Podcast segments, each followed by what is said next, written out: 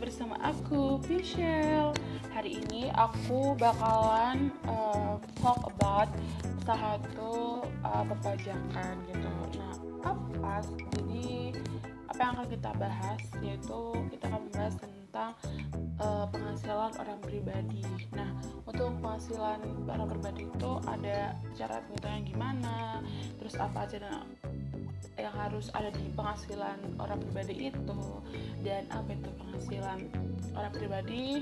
So for more information stay tuned. Let's go oke jadi penghasilan orang pribadi di sini aku akan membahas tentang penghasilan netonya jadi cara perhitungan penghasilannya itu merupakan perhitungan pajak penghasilan orang pribadi yang tidak bersifat final dan dituangkan pada SPT tanah orang pribadi. Nah, penghasilan itu ada penghasilan apa? Jadi, ada penghasilan bruto, ada penghasilan neto, ada penghasilan kena pajak atau DPP, dasar pengenaan pajaknya, terus tarif pajak dan PPh terutang. Nah, cara menghitung pajak, penghasilan itu sehubungan dengan usaha atau pekerjaan bebas itu uh, dalam hal konteks ini kan ada pencatatan sama pembukuan. Di sini akan dibahas mengenai pencatatan untuk penghasilan bruto itu dari penghasilan pekerjaan bebas dikalikan norma penghasilan neto dan didapatkan penghasilan netonya. Dan untuk selanjutnya itu norma perhitungan penghasilan itu untuk norma perhitungan itu yaitu pedoman untuk menentukan besarnya penghasilan itu prinsipnya setiap WP diwajibkan menyelenggarakan pembukuan. Tetapi implementasinya di lapangan ternyata tidak semua wajib pajak mampu menyelenggarakan pembukuan. Bagi wajib pajak yang tidak mampu menyelenggarakan pembukuan ini, DJP mewajibkan baginya untuk melakukan pencatatan. Bertujuan untuk memudahkan setiap WP untuk menentukan besar penghasilan itu dan perhitungan penghasilan itu dilakukan dalam hal tidak terdapat dasar perhitungan yang lebih baik yaitu pembukuan yang lengkap atau pembukuan diselenggarakan uh, secara tidak benar dapat dilakukan oleh WPOP yang melakukan pekerjaan bebas. Jadi uh, mempunyai peredaran bruto atau omset brutonya itu tidak lebih dari 4,8 miliar dalam satu tahun pajak memberitahukan kepada DCP dalam jangka waktu 3 bulan pertama dari tahun pajak bersangkutan. Nah, norma perhitungan penghasilan itu dikelompokkan menurut wilayahnya. Jadi ada 10 ibu kota provinsi yaitu Medan, Palembang, Jakarta, Bandung, Semarang, Surabaya, Denpasar, Manado, Makassar, dan Pontianak. Ibu kota provinsi lainnya dan yang ketiga adalah daerah lainnya. Norma yang dilakukan sesuai dengan uh, perhitungan wilayah usaha apabila memiliki dari situ pekerjaan bebas dilakukan terhadap masing-masing jenis usaha dengan memperhatikan pengelompokan wilayahnya. Pekerjaan bebas uh, dilakukan oleh orang pribadi memiliki keahlian khusus untuk menghasilkan uh, penghasilan dan tidak terikat hubungan kerja. Apa aja pekerjaan bebas itu? Nah, pekerjaan bebas itu ada pengacara, accounting, akuntan, arsitek, dokter, konsultan, notaris, penilai, aktuaris. Uh, dan yang selanjutnya ada artis, pemain musik, pembicara, penyanyi, pelawak, sutradara, model, dan seniman lainnya ada olahragawan, penasihat pengajar, pelatih, penceramah, penyuluh, moderator, dan peneliti, agen iklan, pengawas, pengelola proyek, petugas penjajah barang perdagangan, penerjemah, agen asuransi, agen MLM, perantara.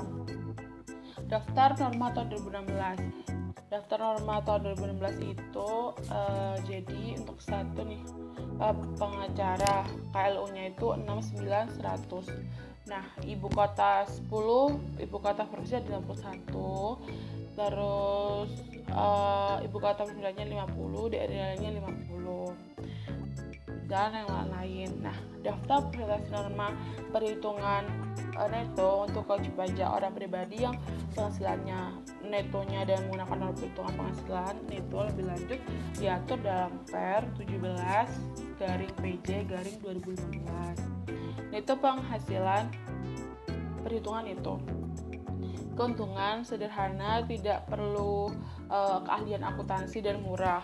Nah kalau kerugiannya itu tidak bisa mengakui kerugian biarlah pajak relatif tinggi dan dianggap selalu untung. Contoh kasus jadi next karena kalau talk in here about case itu rasanya kayak murah gitu. So jangan lupa buat datang di Instagram aku uh, kalau misalnya you know more about the case nanti aku akan cantumin di Instagram khusus buat about about oke okay? nanti itu akan uh, lebih lanjutnya akan bisa kita lanjutkan nanti oke okay? cara menghitung PPH penghasilan itu sehubungan dengan usaha atau pekerjaan bebas nah penghasilan bruto atau usaha atau penghasilan bebas itu dikurangi dengan biaya 3M penghasilan itu komersial penghasilan koreksi fiskal positif dan negatif penghasilan itu fiskal. Terus pembukuan wajib pajak orang pribadi yang melakukan kegiatan usaha atau menyelenggarakan pekerjaan bebas dan wajib pajak badan di Indonesia wajib menyelenggarakan pembukuan pembukuan sekurang-kurangnya terdiri atas catatan mengenai harta, kewajiban, modal, penghasilan, biaya, serta penjualan dan pembelian sehingga dapat dihitung berdasarkan penghasilan itu. Okay, uh, I think untuk uh, we talk about uh, pembukuan in another podcast. So I think enough for this. Then I hope this is really help you guys to know more about tax, especially di uh, penghasilan pajak. See you on the next podcast and bye bye.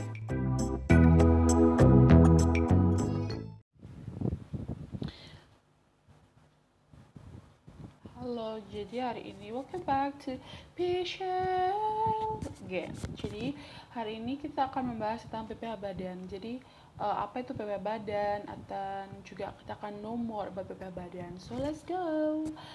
Oke, okay, untuk perhitungan PPH badannya ini mungkin aku akan secara garis besarnya uh, secara uh, apa nih ngomong ya. Tapi kalau misalnya know more about that kalian bisa cek di instagramnya. Oke okay, nanti aku bakalan kirim. Oke? Okay? oke okay, untuk perhitungan PPH badan.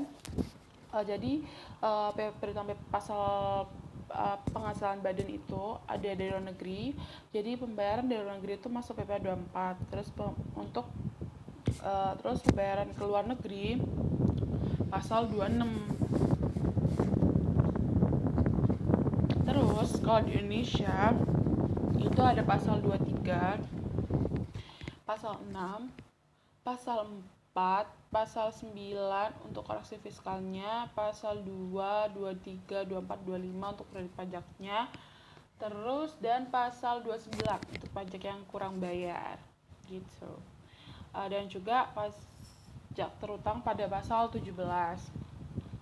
Sekarang ke rekonsiliasi, hakikat rekonsiliasi untuk pelaksanaan pembukuan berdasarkan kebijakan akuntansi perusahaan menyimpang dari ketentuan perpajakan. Perbedaan timbul terkait pengakuan pendapatan dan beban di, di laporan laba rugi. Untuk penyesuaian diperlukan agar laba yang diperhitungkan itu secara akuntansi dapat diperlakukan sebagai laba atau penghasilan kena pajak.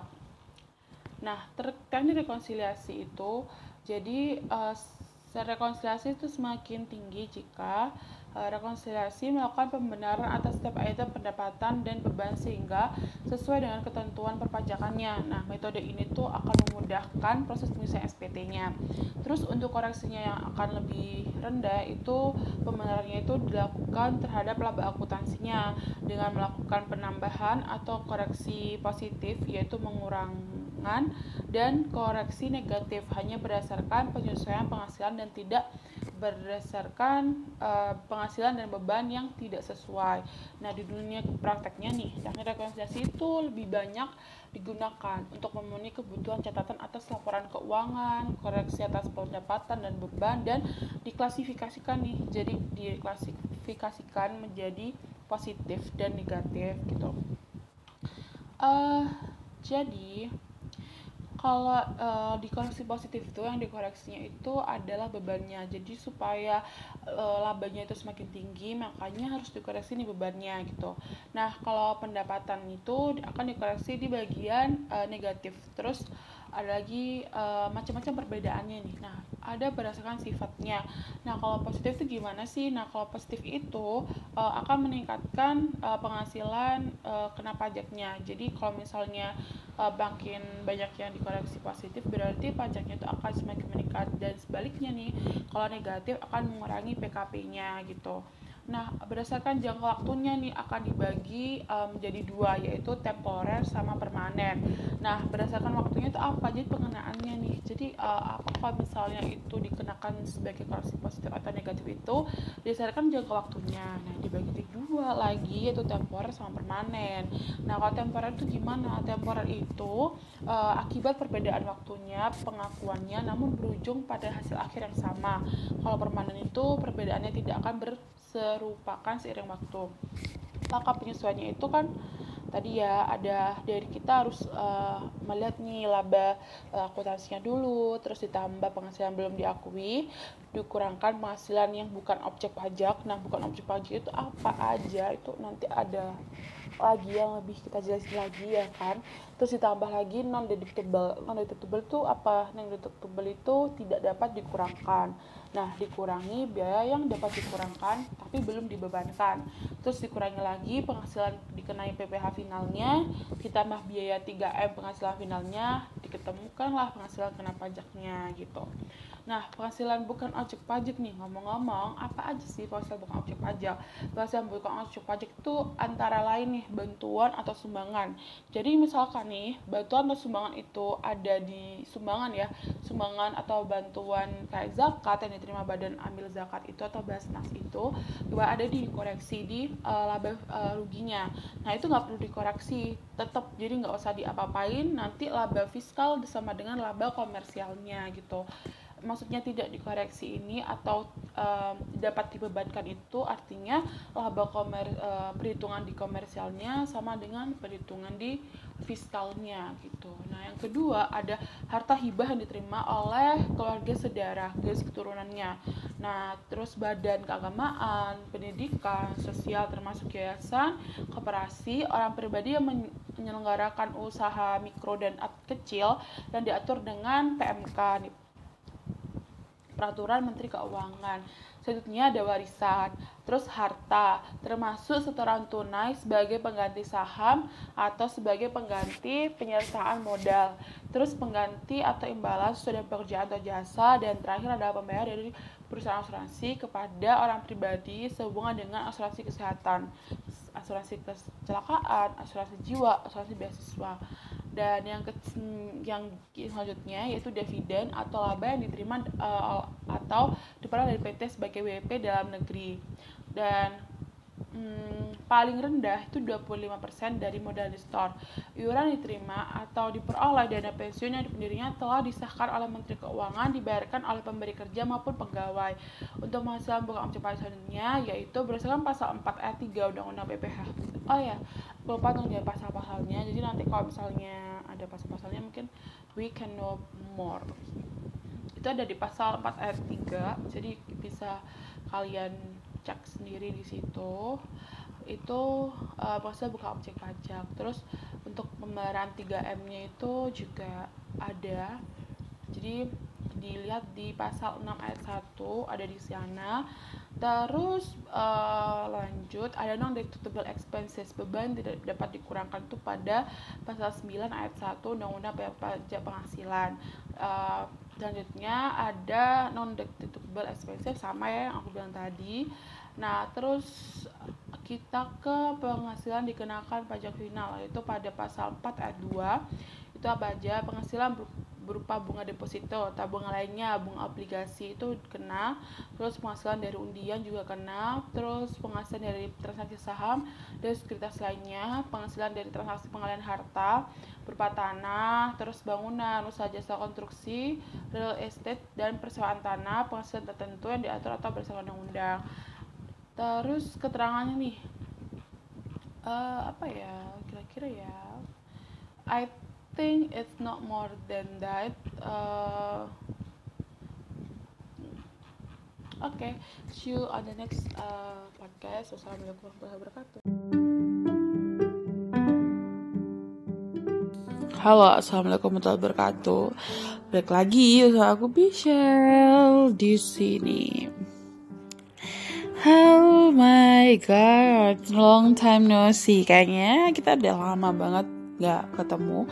Hari ini aku bakalan full kayak ngasih hari. Kayaknya bisa lah ya.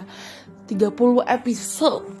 spesial Ramadan tuh khusus edition Ramadan dan aku harap aja semoga uh, aku bisa ngasih 30 episode buat Ramadan 2023 kalau nggak ya kita edit aja lah ya kan pokoknya ya gimana ya gitu. Hmm.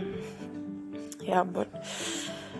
Kalau lihat berita hari ini tentang pembulu tangkis banggaan kita yang sudah uh, telah dipanggil Allah Subhanahu semoga amal ibadah yang diterima sungguh kayak kita harus bersyukur bagi teman-teman hari ini mendengar podcast ini ataupun yang nanti setelah mendengar dan udah melewati Ramadan 2023 kita harus bersyukur Alhamdulillah karena Allah ngasih kesempatan itu kita bisa melewati Ramadan 2023 ya Allah.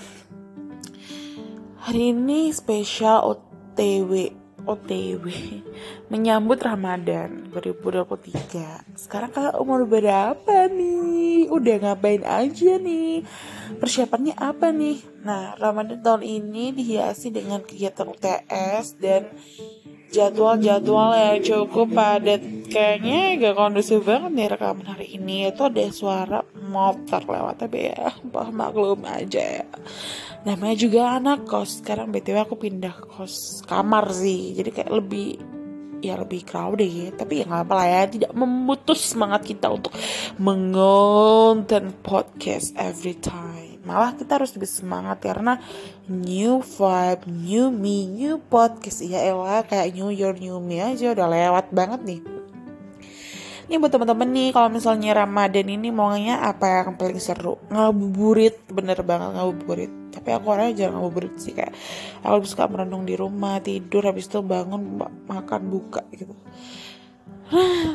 Hari ini bulan Ramadan ya kayak berjuang masih berjuang dengan struggle UTS setiap saat dan semoga aja UTS kita berjalan lancar ya kan kalau hari Ramadan ditempatkan ngapain? Kalau di aku ya namanya ada yang namanya megengan, ya.